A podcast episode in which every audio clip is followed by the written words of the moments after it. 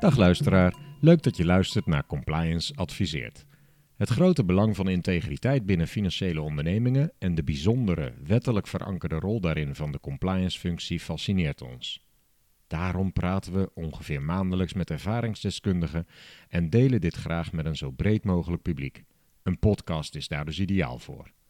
We zijn Niek Reuzelaars, zelfstandig compliance officer, werkzaam via Connective Payments. En ik, Erik Rijssenweber, compliance officer bij Triodos Bank Nederland.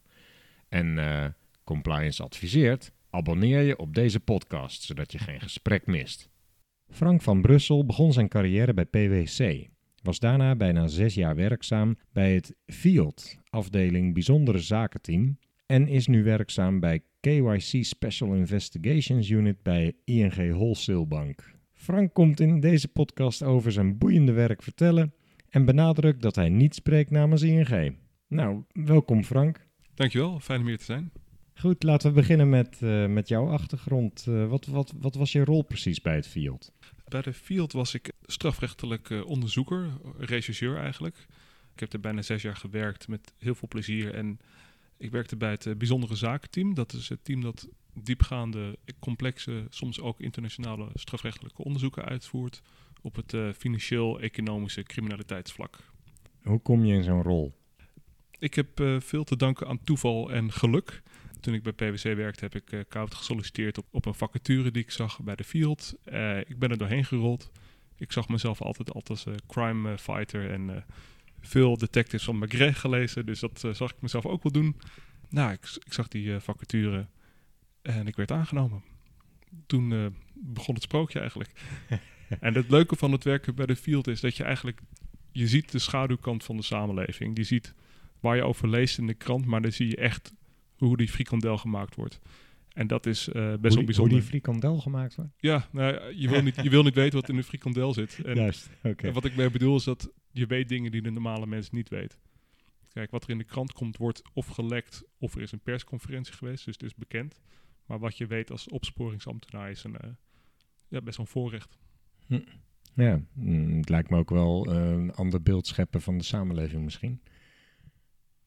Ja, ik, ik, zou kunnen denken dat het ook leidt tot een soort beroepsdeformatie, dat alles fout is en iedereen fout. Maar goed, je moet er een beetje met, uh, je moet erom kunnen lachen ook. Maar het is inderdaad, er gaat al veel, ja, gaat, gaat veel goed in Nederland, maar er gaat ook wel wat mis. Hm. Hm. Vanuit je Fiat-tijd, wanneer ben je een verdachte? Uh, je bent een verdachte als je volgens artikel 27 van het wetboek van strafvordering kan worden aangemerkt als verdachte. Nou, dat, dat klinkt heel technisch. Uh, maar het, gaat er eigenlijk om, is er een redelijk vermoeden van schuld dat jij een misdrijf hebt gepleegd? Um, dat betekent trouwens niet dat iedereen die mogelijk een misdrijf heeft gepleegd ook vervolgd gaat worden of onderzocht wordt. Want als je praat over de field, heb je het ook over capaciteit. Dat geldt trouwens ook voor de politie. Um, dus er is um, het is moeilijk te zeggen hoeveel misdaad er precies is, maar laat zeggen dat de field daar een bepaald percentage van kan onderzoeken. En als het ook past in de capaciteit en de, de prioriteiten die de field zelf heeft, dan kan het tot een onderzoek leiden en dan ja, kan je als verdachte worden aangemerkt. En hoe wordt er dan besloten welke cases er wel en niet aangepakt worden? Nou, dat ligt eigenlijk aan heel veel uh, variabelen. Bijvoorbeeld haalbaarheid. Is er uh, geld te halen of is er iets af te pakken bij de verdachte? Dat zou op zich geen drijfveer mogen zijn als je als een verdienmodel ziet van de opsporing, maar het zou kunnen dat men dat wel meeneemt. Daarnaast uh, moeten de, de prioriteit van het OM en de field zelf overeenkomen. Ook elk jaar of elke vier jaar worden er ook afspraken gemaakt in Den Haag, waar bijvoorbeeld meer capaciteit opgericht zou moeten zijn. Dat ligt er ook aan. Ja, en uiteindelijk, het, het begint met de droom om misdaad aan te pakken, maar het eindigt met capaciteitsproblemen. Dat zul je altijd zien met de opsporing. Je loopt altijd uh, ja, niet achter de feiten aan, maar je, je, hebt altijd mannen, mensen te weinig. Dus het ligt vooral aan de capaciteit. Ja, Want ja. er werken volgens mij 13, 1400 mensen bij de field. Dat is ja, relatief weinig. Het lijkt me frustrerend om te zien dat je meer zou kunnen vangen, maar er gewoon geen tijd voor hebt. Ja, precies. Dat, ik weet zeker dat er een, uh, nog heel veel winst te behalen is. Maar goed, meer geld nodig, meer capaciteit. Maar dat geldt ook voor het OM, voor de rechtspraak. Ja. Je komt er niet alleen met meer rechercheurs, je moet ook de hele keten moet je versterken om uh, effect te kunnen genereren. Ja. We gaan weer even terug naar het klantenonderzoek. We hebben het over forensisch klantenonderzoek in deze podcast. Maar we hebben het natuurlijk ook nog even over jouw fieldwerk eerst. Wanneer leidt een onderzoek nou tot een inval bij een klant? Kijk, een inval, een zoeking, dat is uh, een actie die op gericht is om bewijs te verzamelen. Dus stel dat jij bijvoorbeeld geen bewijs meer nodig hebt, dan ga je ook geen inval doen. Het is niet iets om, omdat je het leuk vindt dat je dan een inval kan doen. Dus het is een middel. Uh, en het zal, de, uh, zal het OM of in, als je een huiszoeking doet, de rechtercommissaris die er dan toestemming voor moet geven, zal er ook een vraag van wat, wat verwacht je hiermee te gaan bereiken? Want het is best wel een stevige inbreuk op iemands privacy. Iets mindere mate bij een kantoor, maar toch, het is een stevige actie. Dus je moet, je moet een reden voor hebben om te doen. En dat is bewijs vinden. Of in sommige gevallen misschien vermogensbestanddelen. Uh, dus als jij dat goed kan uh, verwoorden en je hebt ook genoeg aanleiding om iemand uh, om, om, te gaan zoeken, dan mag je gaan zoeken.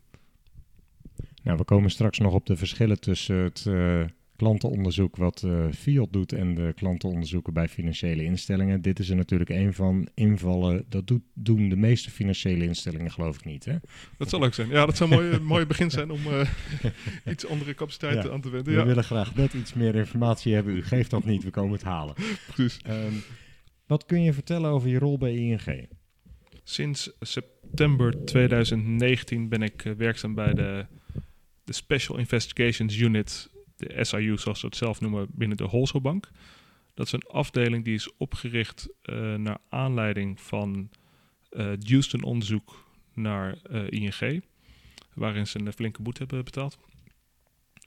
En men kwam erachter dat men meer onderzoekscapaciteit nodig had binnen de Wholesale Bank om te kijken of er dingen fout gaan, of er misschien transacties gemeld, gemeld moeten worden, of misschien andere acties ten opzichte van klanten gedaan moeten worden. En daar zijn we nu druk mee bezig. We begonnen met uh, twee, drie mensen en nu zijn we uitgegroeid tot een stuk of uh, veertien mensen. Uh, door de coronacrisis is de, de uitbreiding helaas wat gestokt. want alles kost geld uiteraard. maar hopelijk kunnen we nog steeds gaan doorgroeien. En je ziet dat wij een van de weinige afdelingen zijn die heel diep graaft.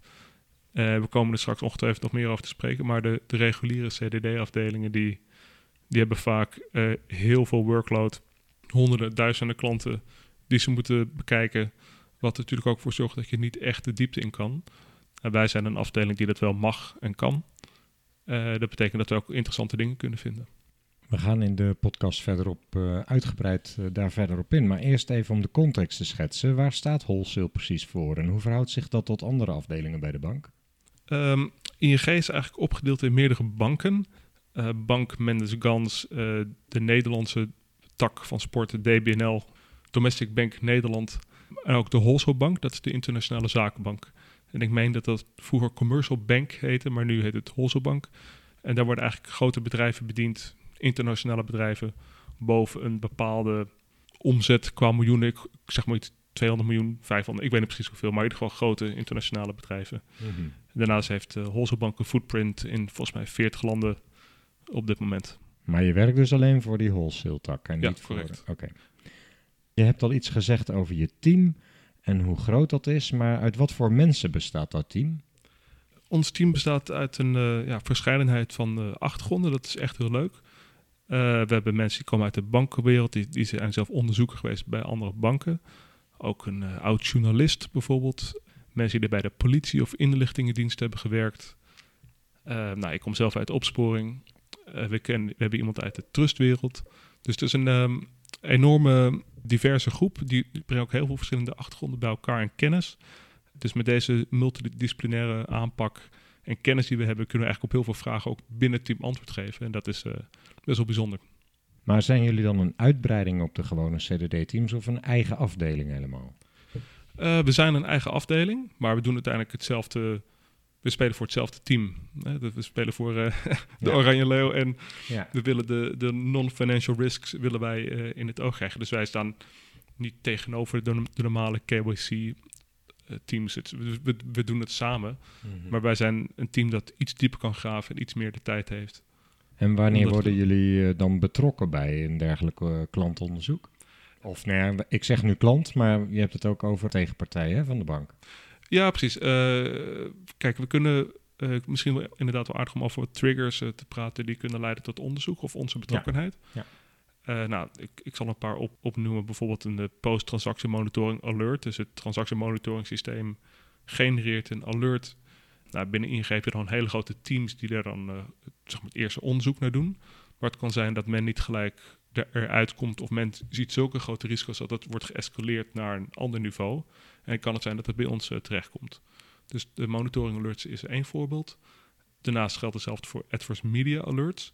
Het kan zijn dat de adverse media komt waar ook ter wereld. Um, en het kan uiteindelijk niks aan de hand zijn. Misschien een, een false positive, maar het kan ook echt iets aan de hand zijn. Uh, en dan kan het ook bij ons komen, want dan kan er weer een trigger zijn van... hey, misschien is er wel risico voor de reputatie van ING. Maar misschien is er ook echt iets gebeurd via rekeningen van ING. Dus stel dat er een uh, klant wordt beschuldigd van uh, corruptie. Nou, het kan zijn dat dat niet waar is, dat weet ik. Dat is moeilijk om te beoordelen. Maar het, het is soms interessant om te kijken van... hey, als het wel gebeurd is, is het dan via ING-rekening gebeurd? Dat zouden we moeten weten. Nou, een iets zwaardere vorm zou kunnen zijn een, de bekendmaking van een DPA, een Deferred Prosecution Agreement, een soort van bekendmaking van een settlement, een, een schikking. Bijvoorbeeld, dat is met Airbus gebeurd hè, eerder dit jaar. Die hebben toegegeven dat ze uh, bedrijven hebben omgekocht of staten hebben omgekocht om vliegtuigen te verkopen. Nou, die hebben volgens mij voor 4 miljard euro uh, gezetteld. Nou, daar hebben ze zelf toegegeven dat ze dat hebben gedaan. En nou, dat kan een aanleiding zijn om naar de klant te kijken. Dat zie ik als een een zware trigger. Oké, dat zijn de triggers. Maar wanneer uh, wordt het dan aan jullie team overhandigd? Want het CDD-team zelf kan denk ik ook tot op bepaalde hoogte wel bekijken of er transacties zijn die ongebruikelijk zijn. Nou, dit is ook een goed moment om onze belangrijkste stakeholder, de MLRO, uh, te noemen, de Money Laundering Reporting Officer. Tweede lijnspartij die uiteindelijk de meldingen doet aan de FIU, maar ook andere soorten acties onderneemt. Um, het kan zo zijn dat die grote CDD-afdelingen er niet uitkomen. Of risico's zien die te groot zijn, of misschien de zaak is te complex voor hun om te onderzoeken. Dan kan het zijn dat het via de MLRO uiteindelijk weer bij ons terechtkomt. En dan beginnen wij een onderzoek. Maar wij hebben op zich best wel vrij en breed mandaat. We hebben trouwens een global mandate. We kunnen overal in de wereld onderzoeken starten. Maar we kunnen ook zelf zeggen, nou, wij vinden dit een dermate belangrijk signaal, wat ons inzien nog niet is opgepakt in de, in de organisatie. En daar gaan we er onderzoek naar doen we hoeven daar niet per se toestemming eh, voor te vragen. Je hebt het over de MLRO en zijn tweede lijnsrol. Heel even over, waar, waar zitten jullie in dat, uh, in dat Three Lines of Defense? Wij zijn officieel een eerste lijnspartij. Maar ik denk dat we meer tussen de lijnen doorzweven. Ik, een soort van anderhalve lijnspartij. Omdat we met zoveel stakeholders te maken hebben die in de tweede lijn zitten. Maar zeg maar, governance technisch gezien zijn we eerste lijn. Uh, en wij zullen ook bijvoorbeeld geen meldingen doen aan de FAU. Daar is, daar is de tweede lijn voor. Nou, derde lijn uiteraard zijn we ook niet, maar, maar we, nemen natuurlijk wel de, uh, ja, de stakeholders mee in de tweede lijn. En ik denk dat in dat opzicht, omdat we op een raakvlak zitten, zitten tussen zoveel snelwegen binnen de bank, van legal tot compliance, MLRO, front office, wij kunnen iedereen snel benaderen. Dat ik, nou, laten we zeggen, anderhalve lijn is een eh, toepasselijke stem ja. voor ons. Ja. Jullie adviezen worden ook wel serieus genomen dan, neem ik aan. Ja, en ik denk dat, kijk, wij schrijven een, een rapport op basis van ons onderzoek. Waarin wordt duidelijk uiteengezet wat we hebben bevonden en wat ons advies is. En als, jij, als ons advies dan niet, moet, niet wordt gevolgd, dan moet je het ook goed kunnen uitleggen. Want eh, ten eerste, wij leren er graag van als we iets verkeerd doen. Maar als jij het anders ziet, ja, dan, dan, moet, je, dan moet je denk ik van een goede huis komen. Helder. Hebben jullie ook speciale mandaten dan voor het uitvoeren van je werk? Je zei sowieso dat je al internationaal te werk kan gaan, maar als je het over dat onderzoek hebt, uh, zijn er dan ook speciale zaken waar je toegang tot hebt of ook extern, niet alleen intern in de bank, maar bijvoorbeeld gebruiken jullie ook andere bronnen waar je als CDD-officer doorgaans geen toegang hebt? Um, nou, laten we beginnen met het mandaat. Kijk, we kunnen wereldwijd te werk gaan, maar we moeten wel de lokale wetgeving in acht nemen. Eh, we hebben wel bijvoorbeeld bepaalde uh, NDA-overeenkomsten met, met bepaalde landen waar een bankgeheim is. Maar sommige landen zijn dermate complex of strikt dat het heel moeilijk is. Een voorbeeld is Turkije. Het kan zijn dat als men daar bijvoorbeeld informatie geeft aan ons, en ik, ik heb het dan over een ING-medewerker in Turkije, dat hij dan persoonlijk vervolgd kan worden omdat hij informatie deelt. Dat is natuurlijk ook niet, niet de bedoeling. Mhm. Dus we moeten de lokale realiteit in ogenschouw nemen. maar los daarvan hebben we op zich een global mandate. En ik denk dat je daarna uh, onderscheid kan maken in eigenlijk twee bronnen, of twee soorten bronnen. Eén is de, de bronnen die wij intern hebben binnen ING, namelijk de transacties. Dat lijkt me de meest belangrijke bron. En twee zijn eigenlijk de informatie van buiten ING. Zo maak ik zelf het onderscheid tenminste. Hebben wij, je vroeg of wij andere bronnen hadden dan de normale CDD-medewerker? Ja? Ehm, nou, ik denk dat wij misschien iets meer toegang hebben tot de uh, betaalgegevens, bijvoorbeeld de SWIFT. Wij kunnen ehm, in de krochten van het SWIFT-netwerk kunnen wij uh, betaaldata achterhalen. Ik denk niet dat de normale CDD-medewerker er überhaupt tijd voor heeft om dat te kunnen doen als hij het al kan. Ehm, daarnaast hebben we ook een eigen budget om bijvoorbeeld derde bronnen in te schakelen, dus betaalde outside databases. En echt, mocht echt de nood aan de man komen, kunnen we ook een lokale vendor inschakelen om in lokale registries bijvoorbeeld uh, onderzoek te doen. Bijvoorbeeld um, het kadaster in Cyprus of zoiets. ik zeg maar iets heel specifieks, dan kun je ja. lokaal een, een contractant Ja, als je wil weten of bepaald vastgoed op de naam van iemand staat. Dan... Bijvoorbeeld, wat niet online beschikbaar is, dan dan kan dat, ja. En uh, maken jullie ook wel eens gebruik van private investigators? Mensen te volgen? Magnum nee. PI? Nee, nee, ik heb dat um, niet meegemaakt. Maar wat wel wat vaak voorkomt is dat, uh, zeker in andere landen, dat compliance of ING eigenlijk liever gezegd, uh, bijvoorbeeld een law firm inschakelt om een bepaald onderzoek te doen. Een bepaald lokaal onderzoeksbureau. Nou, dat kan voorkomen. En wij kunnen dan die proposals ook duiden ja. Door de ervaring die we hebben als afdeling om te kijken hè, wat ze aanbieden, of dat goed is en wat de prijs, of de prijs ook oké is. Ja. Um, maar het is dus echt wel zeer gespecialiseerd speurneuzenwerk. Het is niet zo dat je makkelijk even een procedure schrijft, zo ga je te werk. En het is per case dat je kijkt hoe ga je dit aanpakken. Laten we daar verder op ingaan anders. Hoe gaan jullie te werk? En het liefst aan de hand van voorbeelden als je zo'n soort melding krijgt uh, van de MLRO. Um, uiteraard beoordeel je eerst de, de trigger op zijn merites. Uh, waar heb je het precies over? Als het over adverse media gaat, wat is de bron? Uh, als een soort van roddelwebsite met een, uh, een gerucht komt, ja, dan wordt het iets anders opgepakt dan als The Guardian iets schrijft. Dus wat is de bron? En ook waar wordt deze klant binnen ING bediend? Um, is het een, een klant met een grote exposure? op zich maakt het voor de non-financial risks niet uit of, of ze een lening hebben van 1000 euro of 100 miljoen. Maar het is wel goed om te weten overwege de belangrijkheid voor de bank. En ook voor de mogelijke exposure die je hebt binnen het krachtenveld van de bank. Uh, wat voor geschiedenis heeft deze klant binnen de bank? Er zijn er bijvoorbeeld eerdere meldingen geweest door de MLRO aan de FOU op deze klant. Nou, als dat het geval is, wil je het ook weten. Zijn er eerdere incidenten geweest. Zit deze klant toevallig in een exit-traject waar je van moet weten? Ja, in, andere woorden, vooronderzoek. Wat, wat, voor, wat voor vlees heb ik in de kuip? Mhm. Daarnaast is het denk ik voor ons heel belangrijk om ook met de relatiemanager te praten. De relatiemanager binnen uh, dat de PAM, de Parent Account Manager, die kent de klant het beste. En die zou je ook het meest kunnen vertellen over de normale business van de klant. En ook over de mogelijke de. En wie weet misschien ook iets over de trigger die je hebt ontdekt. Misschien kan die bepaalde duiding geven.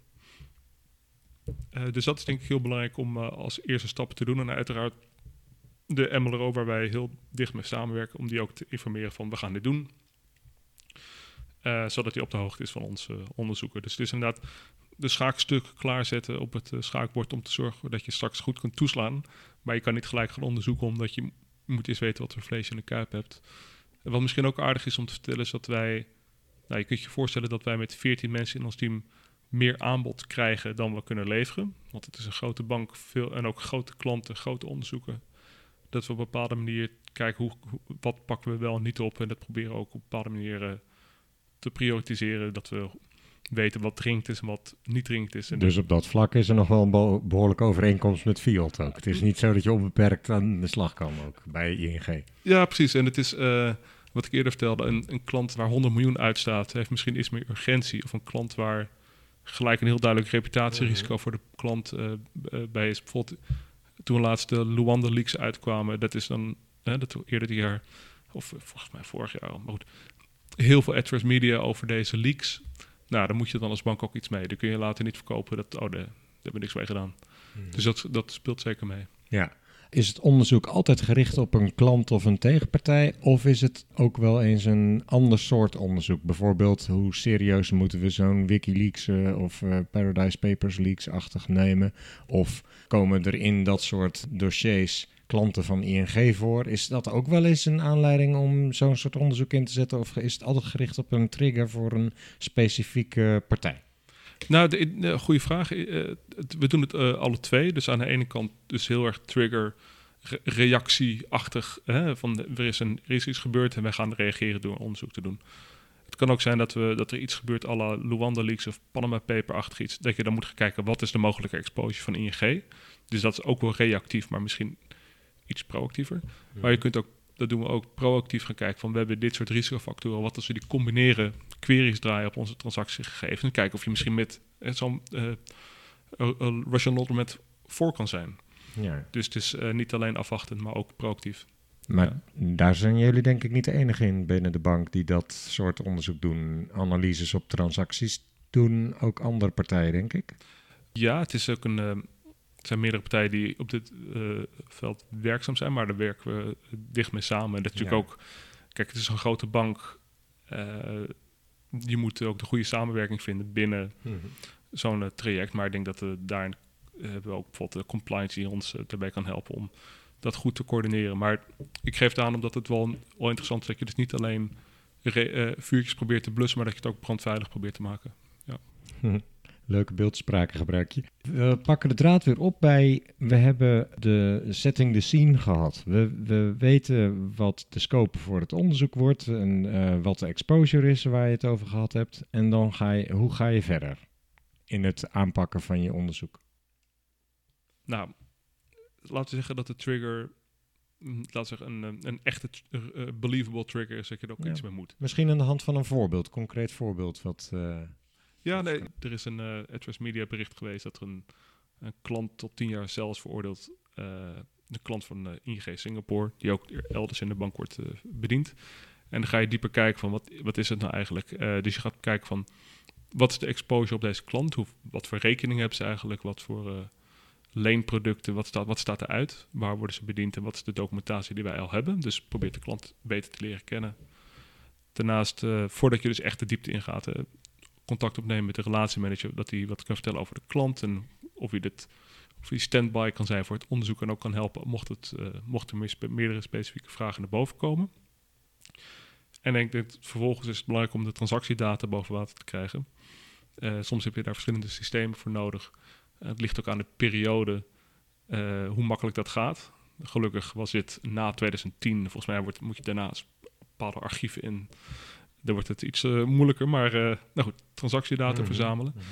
Maar goed, je kunt niet uh, lukraak in transactiedata gaan ronddwarrelen als je niet weet waar je naar op zoek bent. Want dan is op zich alles normaal of alles ongebruikelijk. Dus je, je hebt iets meer nodig voordat je gaat beginnen. Was er van die Singaporese klant duidelijk wat voor business die deed dan?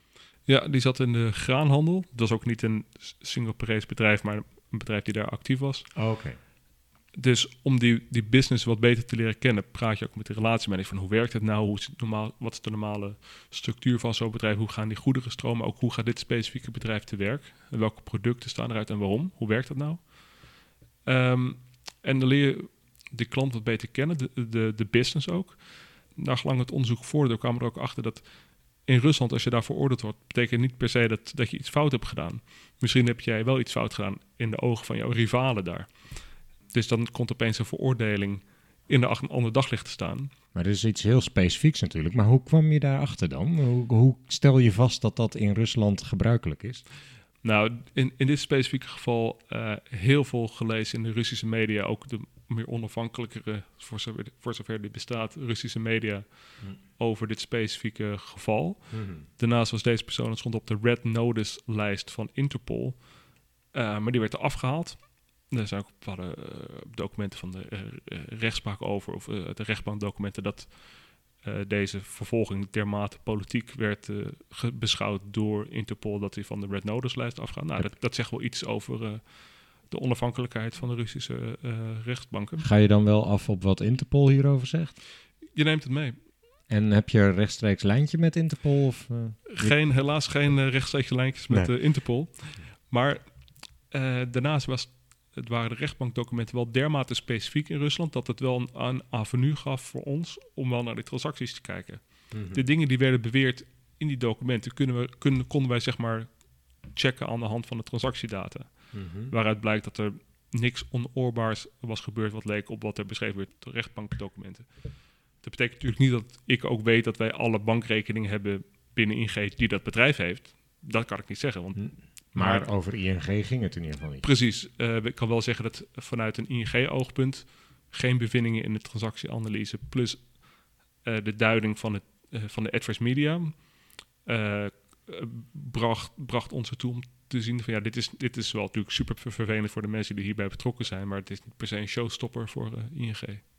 Is het dan jullie rol om dit te duiden en ook aan te geven, te adviseren, hier kun je wel of niet mee door? Want ik zou me nog kunnen voorstellen dat ook in zo'n geval, als er, eh, ja, in dit geval was de adverse media straf vanuit Rusland, dan, dan ben je klaar, want je zag verder geen ongebruikelijkheden.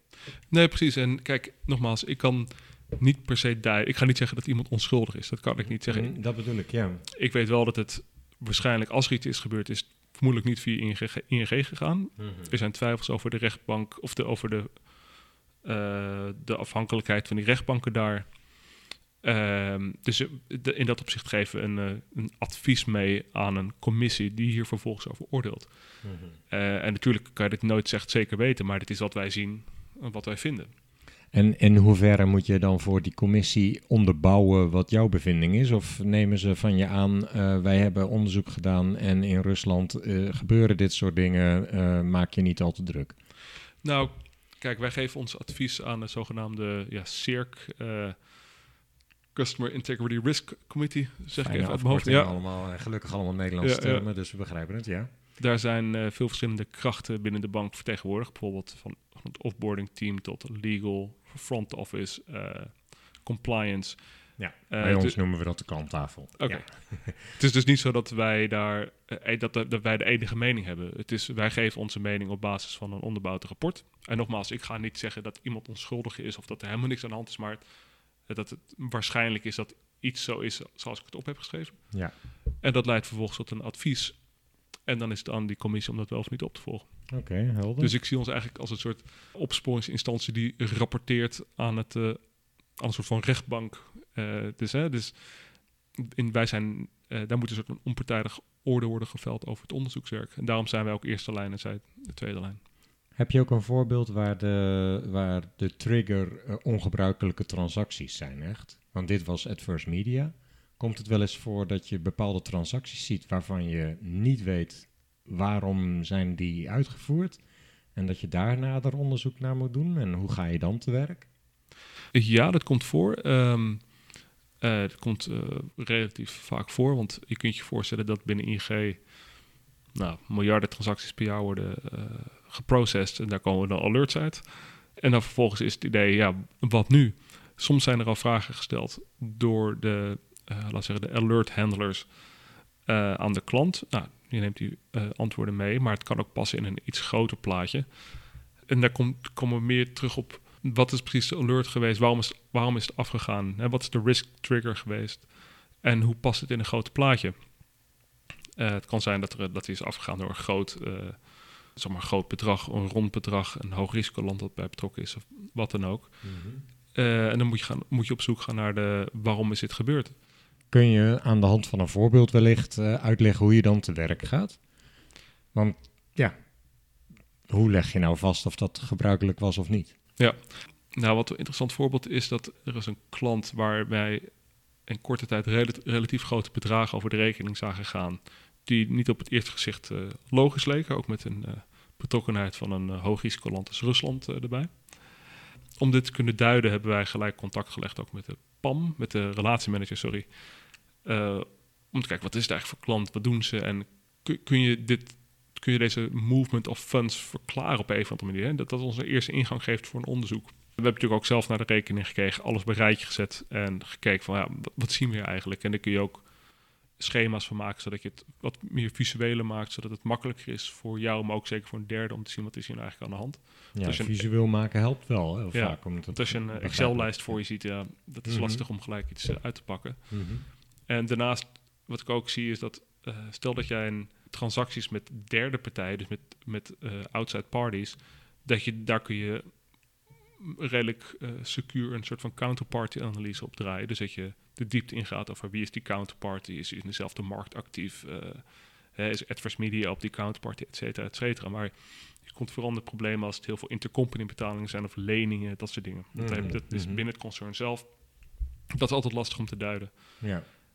Kan je dan ook zeggen, nou, sorry, ik zou dit gewoon, ik, we weten er weinig van, ik zou, het niet, ik zou het niet vertrouwen. Is dat ook wel eens een conclusie? Of? Nee, nee. Kijk, want het probleem is natuurlijk, als je zeg maar iets niet weet, dan is alles ongebruikelijk. En dit is, eh, we weten zeg maar ook een beetje wat we niet weten. En wat we wel kunnen doen, is in kaart brengen. Wat zien we nou eigenlijk? En dan naar degene gaan die het wel weet. En dat is de klant. De klant weet wat hij aan het doen is. In een gebruikelijk onderzoek wat jullie uitvoeren, wanneer besluit je naar de klant te stappen? Nou, de klant komt redelijk vaak in beeld, omdat wij dermate uh, complexe klanten bekijken, dat we er niet altijd zelf uit kunnen komen. En soms schreeuwt iets om een uitleg. En het feit dat wij iets niet gelijk kunnen duiden, is niet genoeg om gelijk iets te gaan melden of een afscheid van een klant te nemen. Dat is veel te, gaat veel te snel. We moeten eerst nog een tussenstap inbouwen, dat is de klant vragen. Mhm. Ehm, we moeten de klant denk ik ook in staat stellen om uh, zichzelf te verklaren. En maar mocht dat niet afdoende zijn, dan kunnen we echt actie gaan ondernemen. Wat je ook ziet is dat het uh, handig is om de klant vragen te stellen. stel, wat je, stel dat je later wil gaan exiten, dat je, en de klant heeft niet meegewerkt, heb je echt een poot om op te staan. Want stel dat je de klant nooit vragen hebt gesteld en je gaat exiten, ja, dan kan het uh, wel eens tegen je keren. Ja, je, je houdt ook al in je achterhoofd dat je mogelijk afscheid zal moeten nemen. En dan moet je een dossier hebben om aan te tonen dat je je best hebt gedaan. Het helpt, ja. Stappen jullie zelf op die klant af of laat je dat aan de analist of over, aan de relatiemanager over? Uh, dat loopt voor, over het algemeen via de relatiemanager. Die heeft zeker bij grote bedrijven, die een relatiemanager bedient misschien één of twee klanten. Die hebben echt dagelijks contact met zo'n klant. Dagelijks? Meerdere keren per week tenminste. Maar dat zijn echt, het gaat over werkkapitaal, treasury. Dat is, een, dat is niet een bakker. Dat is, eh, zijn gigantische bedrijven die uh, financiering nodig hebben. Mhm. Eh, die kent de klant het beste. Die kan ook heel snel zorgen dat het op bij de juiste plek terechtkomt.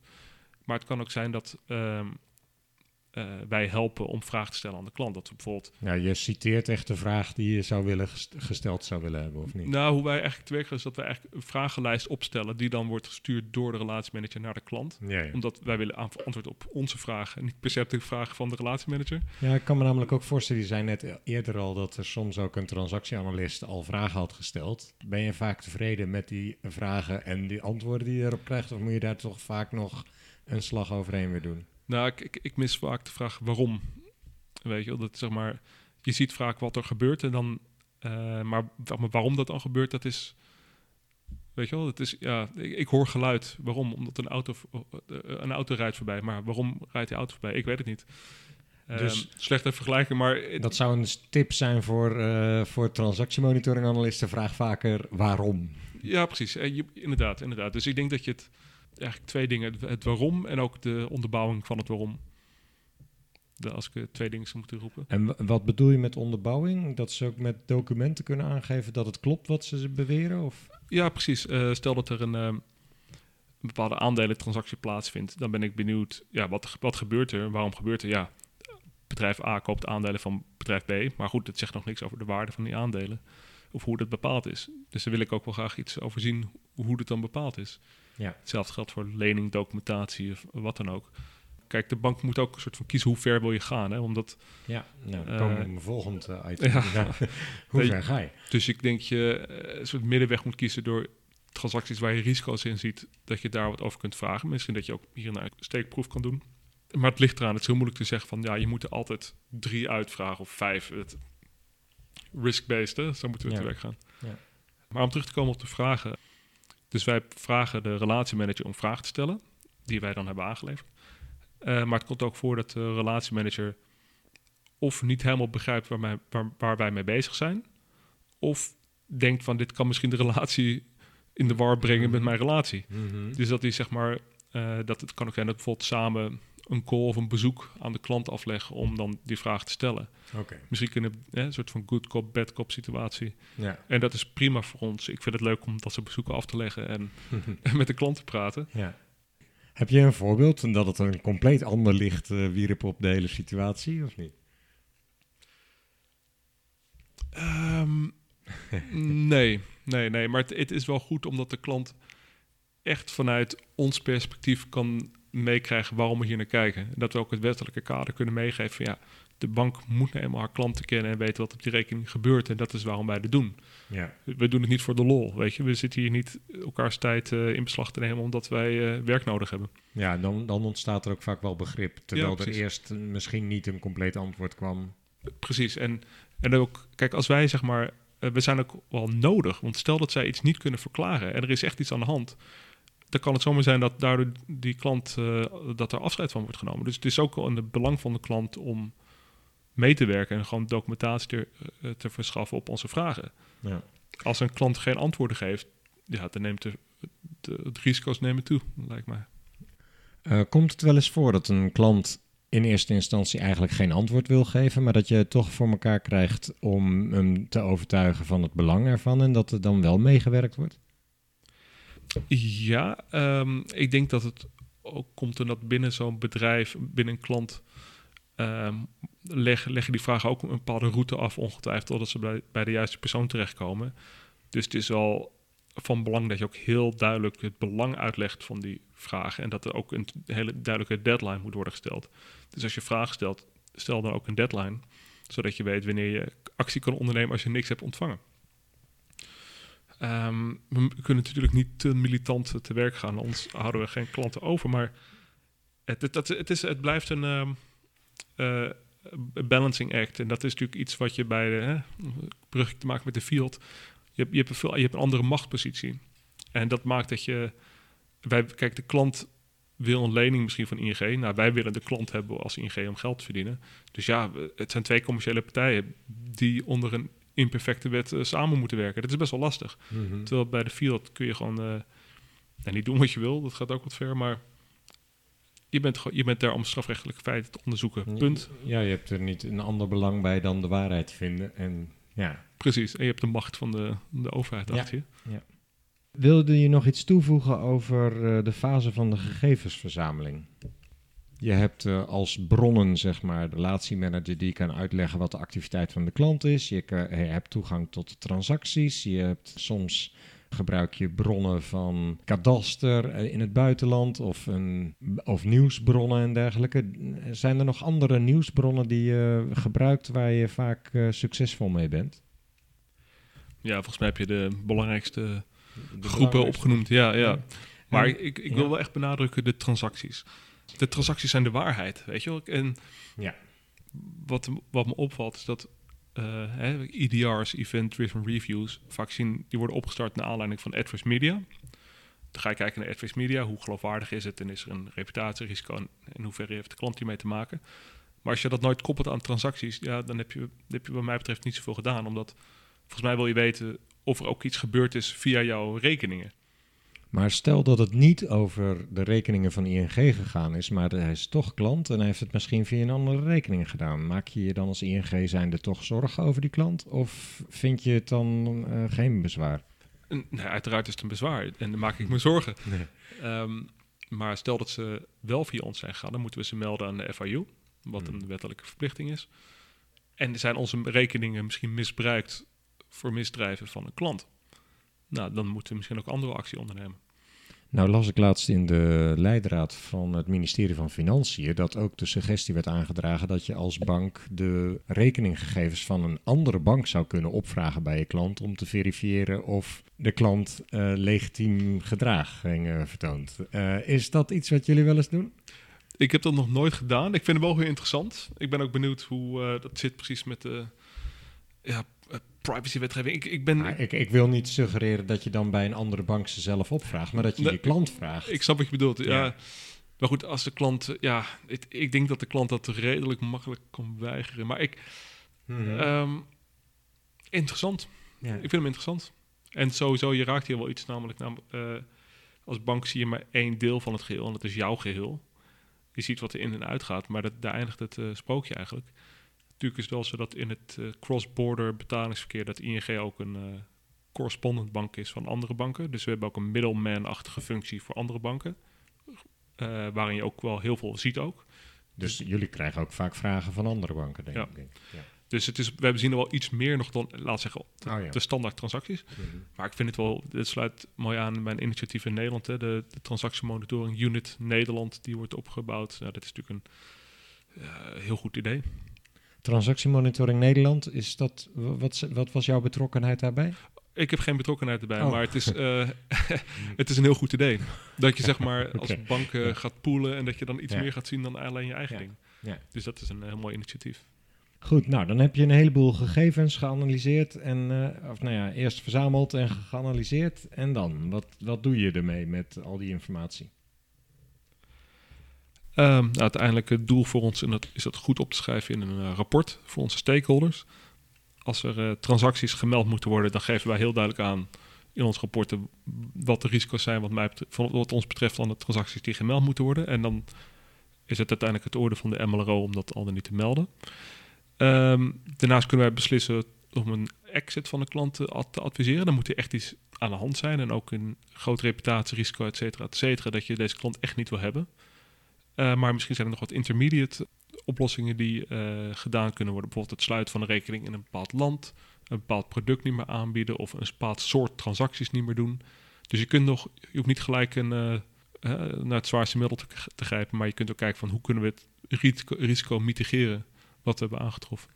En wat is jouw guideline daarbij om te bepalen of je adviseert om wel of niet te offboarden bijvoorbeeld? Um, is dat de risk appetite van ING?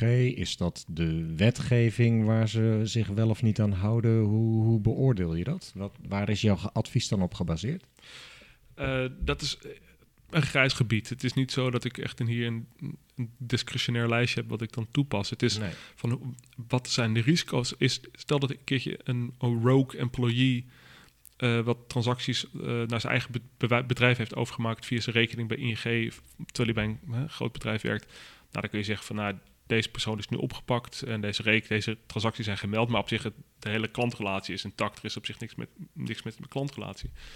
Maar als jij ziet dat een klant uh, als een soort van voortdurend gedrag heel veel risico, hoge risicotransacties uh, uh, bezigt via jouw rekeningen, dan kun je afvragen, past het in ons risk appetite die wij als ING hebben? Overtreedt deze persoon mogelijk de wet? Het is niet zo, ja, het is niet één soort scheidslijn of één, uh, dat is, ja, vind ik een Nee. lastige vraag. En, en als je besluit om te stoppen met je onderzoek, je kunt tot op bot natuurlijk doorgaan met onderzoeken in feite. Dat kan eindeloos bijna, zou ik, zou ik me kunnen voorstellen in sommige gevallen. Hoeveel procent zekerheid zoeken jullie? Poeh, dat is ook een heel last- lastige vraag. En om terug te komen wat je in het begin zei, ja, dit, een van de grootste problemen die we hebben is uitdijende onderzoeken. Dat is trouwens ook precies waar de opsporing mee te maken heeft. Als je eenmaal begint, dan wil je door gaan onderzoeken. Dus je moet van aan de voorkant heel duidelijk eh, afbakenen, scopen.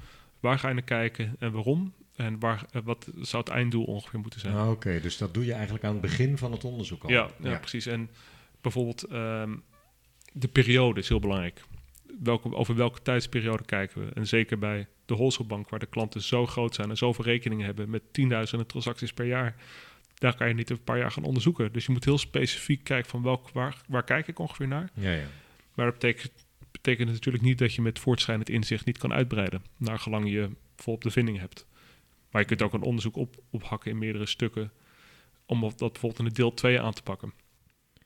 Nu hebben we veel gehoord over het werk en hoe jullie te werk gaan. Wat onderscheidt jouw werk nou van een, wat een reguliere CDD-analyst kan doen? Want het meeste wat ik zo hoor, zou je misschien ook bij een gewone CDD-analyst kunnen leggen, of niet? Uh, ik denk het wel. Ik denk dat wij op zich geen rocket science doen en ook niet per se uh, veel slimmer zijn of dommer zijn dan CDD-analysten. Helemaal niet. Ik denk dat we allemaal uh, heel nuttig werk doen. Het enige verschil is dat wij veel meer de diepte ingaan, omdat wij de tijd ervoor krijgen om dat te doen. Ja. Um, dus dat is een nadeel van een, laat zeggen, quote-unquote normale CDD-analyst. Die moet in zijn KYC-fabriek die, die reviews uitvoeren en de, de copy-paspoorten bemachtigen. Ja. Maar die wordt eigenlijk niet, die, die wordt niet losgelaten in de diepte om echt te gaan kijken wat er echt, of er iets is mis, mis, misgaat, weet je wel. En Nee. Dus, dus voor hen zal waarschijnlijk ook het moment dat ze de case aan jullie overdragen zijn van nou dit loopt gewoon uh, qua tijd uit de klauwen. Willen jullie het overpakken? Ja, bijvoorbeeld, je moet, je moet wel een verschil maken in de, de CDD-analisten die het, zeg maar, het klantdossier samenstellen. Dus zeg maar, wie is de klant? Hè? Dus ja. organogrammen, uh, de KVK-uittreksels die daarbij horen, et cetera, et cetera. Kopie paspoorten. Het, eh, en daarnaast het gedrag van de klant. Dat wordt gemonitord door bijvoorbeeld transactiemonitoring of transactiescreening aan de voorkant. Ik denk dat je die uit elkaar moet trekken, maar eh, vooral het tijd hebben om de diepte in te gaan. En ik wil nog één ding toevoegen uh, aan ons team. Eigenlijk twee dingen. Eén is, uh, wij zijn dermate multidisciplinair dat we bijna van dat we op heel veel vlakken capaciteit hebben of skills hebben en kennis. En twee is ervaring. Nogmaals, wij doen niet, niet per se rocket science, maar we kunnen wel heel veel dingen tegelijk duiden. Het krachtenveld waarin je binnen de bank ten eerste mee te maken hebt, maar ook gewoon de economie als geheel, de klant. Wat voor bedrijf is het, wat, wat voor markt is hij bezig? Uh, zeker op het kruispunt waar ik, wat ik eerder vertelde, tussen we te maken met finance, legal, compliance, wetgeving. Het is best wel een lastig uh, krachtveld waar we in mm -hmm. zitten. En ik denk mm -hmm. dat je daar misschien wat meer ervaring voor nodig hebt om dat allemaal mee te nemen in je uiteindelijke werk. Oké, okay. wat maakt iemand geschikt om bij jullie op de afdeling dit uh, forensisch werk, te, klantenonderzoek te doen? Is dat, je noemt al ervaring, zijn er nog andere kennis of vaardigheden die ik mee zou moeten nemen als ik bij jou zou willen solliciteren? Nou, nieuwsgierig lijkt me een open deur. Mensen, dat je wil weten hoe Nou, dat zit. ben ik totaal niet. Nee? Okay. Nee, nee, dat zit me niet. Kritisch. Ik denk dat, dat je niet gelijk moet aannemen wat iemand je vertelt.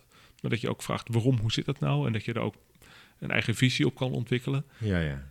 Um, dus ik denk dat heel veel verschillende persoonlijkheden bij ons passen. Maar het is een combinatie van ervaring, nieuwsgierig, kritisch.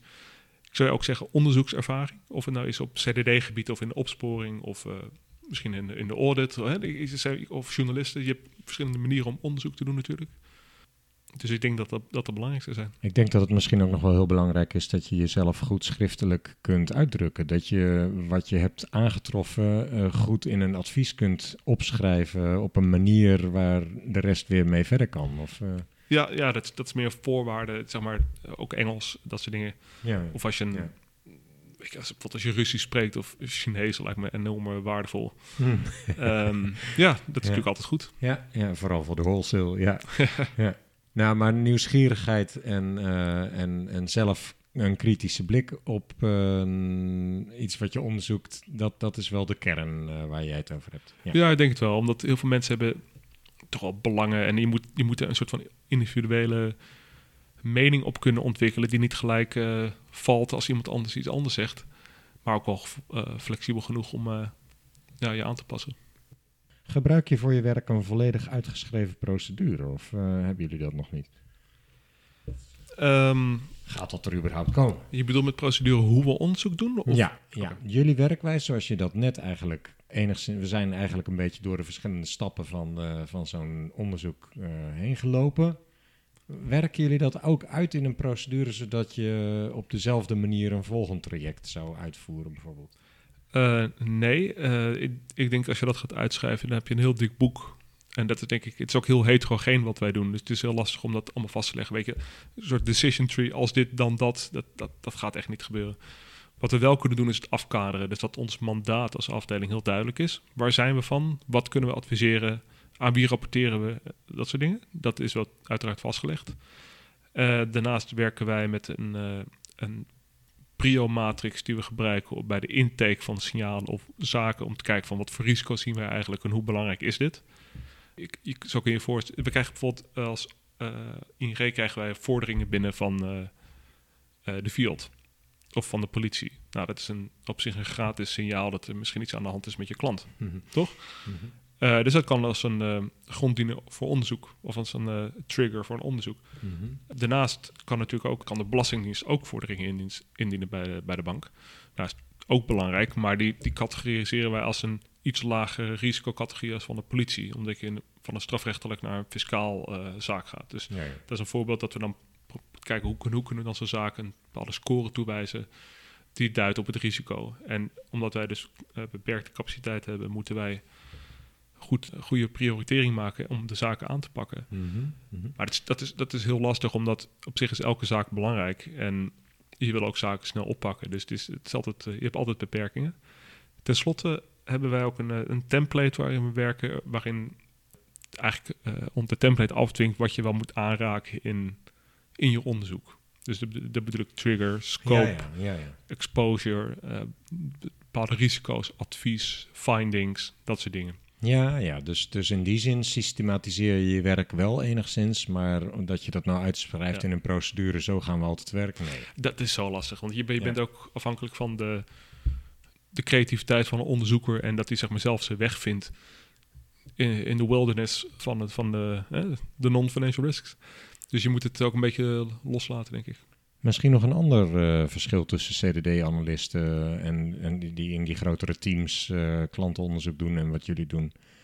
Hebben jullie bepaalde targets? Eh, nee. En het zou ook wel heel gek zijn als we dat wel hadden. Eh, bijvoorbeeld, we moeten duizend eh, SAR-filings doen per jaar. Of duizend FAU-meldingen. Dat zou, dat, eh, zou echt idioot zijn. Nee, ik, zou- ik kan me dus ook niet zo gauw voorstellen hoor. Maar Nee, maar het is een goede vraag. Want wat hier ook, wa- wat je eigenlijk dan vraagt, is hoe word je beoordeeld? Als ja, ja. Of hoe- Wa- hoe- wa- wanneer ben je succesvol? ja, dat is heel moeilijk om één, eh, om dat te kwantificeren of één soort van meting aan te hangen. We houden bij hoeveel signalen wij binnenkrijgen, hoeveel onderzoeken we doen, waar ze op zien. Hoeveel, we houden wel bij hoeveel SARS, dus zeg maar suspicious activity reports, hoeveel SARS we filen of laten filen, Mhm. hoeveel klant access we adviseren, hoeveel er zijn opgevolgd ook, want dan kunnen we een soort van meten of we het goed hebben gezien. Mhm. Eh, opgevolgd bedoel je dat ze teruggekoppeld worden door de FIU als verdacht verklaard? Eh, nee, Bedoel je iets anders? ja, stel dat wij, kijk, wij adviseren een SAR filing en er wordt Een vervolgens SAR is eh, Suspicious Activity een Report. FIU een en FIU-melding, zeg ja. maar. Maar die wordt gedaan door de MLRO. Mhm. Dus de M- als de MLRO het anders ziet en gaat het niet filen, dan zijn wij benieuwd waarom niet. Want dan kunnen wij misschien iets van leren. Van misschien hebben we het verkeerd gezien of hebben de, heeft, Ja, ja. heeft een andere heb, risicoafwisseling. je, heb je daar een voorbeeld van? Eh, niet per se, dat komt wel af en toe voor, maar het is meer een. eh, dat zou je kunnen zien als een. eh, stel dat wij duizend SARS adviseren en er worden er nul gedaan, dan gaat er iets niet helemaal goed. Ja. Dus ik probeer het meer aan te geven als een soort van proxy Mhm. de- om te meten hoe goed we het doen. Ja, ja. Eh, we houden dat wel bij, uiteraard. Ehm, maar sommige onderzoeken zijn zo groot en zo diep dat het eh, al heel moeilijk is om bijvoorbeeld het aantal zaken te gaan meten. Sommige Mhm. zaken duren eenmaal bijvoorbeeld drie, vier maanden zelfs. Omdat het is dermate groot en diep dat we graven, dat het, het duurt heel lang. Hm. Dus als jij drie van dat soort zaken, vier van dat soort zaken gedaan hebt, ben je het hele jaar door heel druk bezig. Maar dan lijkt het misschien voor de buitenwereld, oh, er is zijn maar vier zaken gebeurd. Maar wat moet er dan gebeuren? Wil jij eh, prettig met een goed gevoel naar huis gaan? naar je werk. Nou, het, mooiste zal zijn als de risico's die wij gevonden hebben gemitigeerd, volledig gemitigeerd worden door de antwoorden van een klant. En dat komt ook voor dat we gewoon dingen zien van, nou, dit, dit, geloven we niet. Of hier zien we bepaalde non-financial risks in, misschien wel witwassen of wat dan ook. Eh, en dan komt de klant met een hele goede documentatie en onderbouwing voor wat er gebeurd is. Nou, daar ben ik blij, omdat we dan zeg maar, het, het gaat, er gaat er tenminste iets goed. Daar ben ik heel blij mee. Ik ben ook heel blij als wij mensen die niet zoveel met dit soort risico's te maken hebben, namelijk de, de relatiemanagers, als wij zij eh, mee kunnen nemen in ons verhaal en waar we naar kijken en wat we belangrijk vinden. Ja. Deze mensen zijn de voelsprieten van de bank, die kennen de klant het beste, Eh zijn letterlijk de first line of defense. Eh, en als wij hen kunnen meenemen, dat zie ik echt als een winst. Ik, dat is heel belangrijk. Maar het komt ook wel eens voor dat je een hele coole, nou, hele coole, hele foute transactie ergens vindt. En van ja, dit is een dat je ook kan eh, bevestigen met een paar andere bronnen dat je echt een mooie eh, bevinding hebt gedaan die je kunt melden aan de FIU. Ja. Ik moet er wel bij zeggen dat eh, dit is misschien iets ho- meer high-level probleem, maar ik, we moeten het even aanstippen in deze podcast. het nut van melden. Ehm, Vertel. er worden honderdduizenden transacties gemeld aan de FIU. Ik, elk jaar pluis ik door de jaarrekeningen van de FIU om te kijken van wat gebeurt er nou met die meldingen. Het is heel moeilijk om te destilleren van wat gebeurt er nou echt. Ehm, maar daar heb ik me echt sterk mijn twijfels mee, eh, bij, omdat de, banken investeren honderden miljoenen in transactiemonitoring en die analisten en die KYC-fabrieken die overal staan. Ehm, op zich is dat goed, denk ik. Eh, en ik vind ook dat als, de, eh, als je een foute klant hebt, dat die klant eruit moet. Helemaal mee eens. Ehm, maar uiteindelijk heb je als bank dus twee wapens. Eén is de klant eruit gooien en twee is transacties melden. Eh, als je een klant eruit gooit, gaat hij misschien naar een andere bank. Nou, dan heb je niet echt een probleem opgelost eh, als wereld, volgens mij. Nee. En als je een melding maakt, nou, dan hoop je dat hij in die strafketen eh, ergens wordt opgepakt. Ehm, nou, dat is heel moeilijk om te bereiken. Dat komt onder andere door dat heel veel mensen, heel weinig mensen werken bij de FIU. ik, ik meen dat er maar 9 of 10 FTE's werken die die transacties onderzoeken. Dat zijn er 300.000, 400.000 per jaar of zoiets. Nou, dat, dat gaat dus niet helemaal oké. Ehm, plus ze doen die standaard matches op systemen. Het FROS-systeem van de politie en Fiat wordt elke dag, nacht of week gematcht met de, de OT's, de ongebruikelijke transacties. Als er een hit is, dan wordt die VT. Ja. De zon, Al- automatisch al. automatisch. Hm. Er is niet per se een reden bij. Maar dat betekent dus dat er, omdat het, omdat het een hit is met het FROS-bestand, betekent dus dat die, dit persoon of deze instantie al in onderzoek is. Anders staat hij niet in het FROS-bestand. Mhm. Dus dan kan je nog zeggen dat de toegevoegde melding van die toegevoegde waarde van die melding minim is, omdat die al in onderzoek is. ja, ja. Snap je wat ik bedoel? Ja. Ehm, dus het is een. Ik heb het gevoel dat we heel veel geld en moeite verspillen hier in Nederland. Trouwens ook in andere landen aan het hele meldsysteem. En dat de, eh, de schatkamer waar de, de FIU over waakt, dat die niet goed wordt gebruikt. Voor zover je weet worden er nooit ongebruikelijke transacties verdacht verklaard zonder eh, dat er al onderzoek loopt? Oh, dat, dat, gebeurt wel. Oké, maar het is sorry, een eh, ja. kleine percentage. Ik denk, Ja, ja. ik, ik, ik, wil, ik wil wel een percentage roepen, maar het is misschien 5 à 10 procent. Volgens mij. Maar dit is. Ja. Ik, ik hoor, dit zou misschien wel leuk zijn voor de, een, een toek- podcast in de toekomst. Iemand van de FIU Ik ben die dit in- helemaal uitlegt. Ik, ik, doe al mijn best om dat voor elkaar te krijgen. Maar het is een. Begrijp me niet verkeerd. Ik doe graag die. Als ING doen we graag die meldingen. Mhm. Maar als je ziet ook van ja, heeft dat, heeft het echt nut? Ja. Ik stel de Ja. vraag alleen.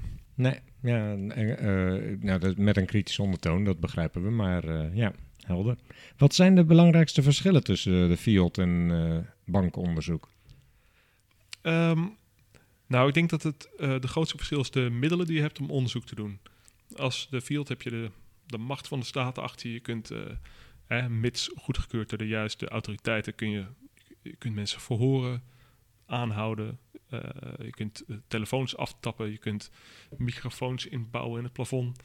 ehm, invallen doen, you name it. Ehm, je, hebt, dus heel veel middelen tot je beschikking om uiteindelijk tot een bewijspositie te komen die hoog is. Binnen de bank hebben wij onze transacties. De transacties waar wij dan correspondent zijn geweest. Dus dat zijn wat meer transacties. We hebben open bronnen. Bronnen als het eh, kadaster of eh, hè, dat is een soort van semi-publieke bronnen. Ehm, dus dat is best wel... eh, ja, je hebt stukken Beperkt. minder. Ja. Ja. Wat wel grappig is, er werkt dus ook een, een oud journalist bij mij op de afdeling. En die vond juist van, wauw, ik heb echt zoveel meer informatie tot mijn beschikking. Want hij kwam zeg maar vanuit meer journa- journalistieke hoek hier naartoe. Ja, En ik kwam vanuit opsporing. Dus ik vond juist dat we heel weinig hadden. Ja, ja. Dat Ja, komisch. ja. Maar dus, ehm, It's in the eye of the beholder. ja, ja. En dus dat is denk ik een heel groot verschil. En daarnaast dat je als field werkt voor de overheid. En wij werken natuurlijk, ik werk voor een bank die ook iets wil van de klant, namelijk geld verdienen. Dus je bent niet dat, niet dat zeg maar de commerciële overweging bij mij één, één ro- rol spelen in mijn adviezen, helemaal niet. Maar het, het werkt mee. Ja. Stel dat ING alle klanten eruit gooit, dan heb ik ook geen werk meer, weet je wel. Dus, dus. Dat ja. Maar zit op je ook geen risico's meer, hè? Dat is wel mooi. Dat Die is risken. mooi. Ja. Ehm, waar kunnen compliance officers, en dit is eigenlijk al richting eh, het einde van deze podcast dan, waar kunnen compliance officers en CDD-analisten iets aan hebben wat jij eh, allemaal geleerd hebt eh, verder nog? We hebben al een paar dingen genoemd. Hè? Maak visueel wat eh, complexe zaken zijn wat transacties betreft. Vraag vaker de waarom-vraag en onderbouwing. Eh, wees nieuwsgierig. Maar heb je nog andere tips? Ehm, ja, ik zou kijken, eh, ik zou als het kan de diepgang opzoeken. En als je de diepgang opzoekt, dat je ook duidelijk scoping aanbrengt in wat je dan gaat onderzoeken. Dus niet in het wilde weg gaan kijken, maar dat je echt en met de trigger in mind kijkt van wat ga ik bekijken. Hoe breed, laat zeggen, dus welke rekeningen bijvoorbeeld, maar ook hoe diep, welke tijd, welke entiteiten. Dus dat je voor jezelf heel duidelijk hebt, waar ga ik ongeveer naar kijken. En dat je ook laat leiden door voortschrijdend inzicht. Want het kan zijn dat jouw eh, aannames of jouw verwachting anders is dan eh, de werkelijkheid. Ja, wat eh, nog twee andere dingen. Altijd, kijk altijd naar transacties. Het idee dat je IDR's uitvoert zonder naar transacties te kijken, dat, kan ik er moeilijk bij. En ook, dit is dan wat meer gebruikelijk, of misschien voor als je voor wat grotere bedrijven, maar dat je eh, bekijkt wat is gebruikelijk. Want alleen als je weet wat gebruikelijk is, weet je wat ongebruikelijk is. Dus leer de business kennen. Weet je wel, als je kijkt naar de, een bedrijf dat handelt in graan, hoe werkt de graanhandel? Hoe werkt het internationaal gezien? Hoe, hè, dat, je, dat je een begrip krijgt van de business. Het lijkt me interessant, dat ten eerste, maar ook goed voor je onderzoek. Ik kan jou alles vragen over graanbusiness, begrijp ik. Ik weet een paar dingetjes. Heb je tenslotte nog aanhakend op de titel van deze podcast een advies uh, voor de luisteraar uh, van deze podcast? Of uh, hebben ja, we hebben al giga veel informatie en adviezen van je ontvangen. Dus maar heb je nog een algemeen advies? Ja, ik heb wel eentje die mij enorm helpt in mijn dagelijkse werk. En dat is alles is belangrijk. Dus een grote zaak is heel belangrijk, maar een kleine zaak is even belangrijk. Hij is alleen kleiner. Dat zorgt ervoor dat cynisme buiten de deur blijft. Want als je gaat, uh, hè, als je het belang gaat, uh, wordt, als het belang verwatert omdat de zaak klein is, ja, dan wordt het heel moeilijk om ja, de belangrijkheid van je werk te zien. Dus ik denk dat alles is belangrijk of niks is belangrijk. Oké, die nemen we mee. Hartelijk bedankt Frank. Ik vond het bijzonder interessant. Ik wens je alle succes ook met de uitbouw van het team bij ING nog. En uh, de verdere onderzoeken die je uitvoert. En aan de luisteraar zou ik willen zeggen: de volgende podcast verschijnt binnenkort weer. Wil je hem niet missen? Volg dan de Compliance Adviseert pagina op LinkedIn. Of uh, abonneer je op deze podcast in je favoriete podcast app. Graag tot de volgende keer en bedankt voor het luisteren.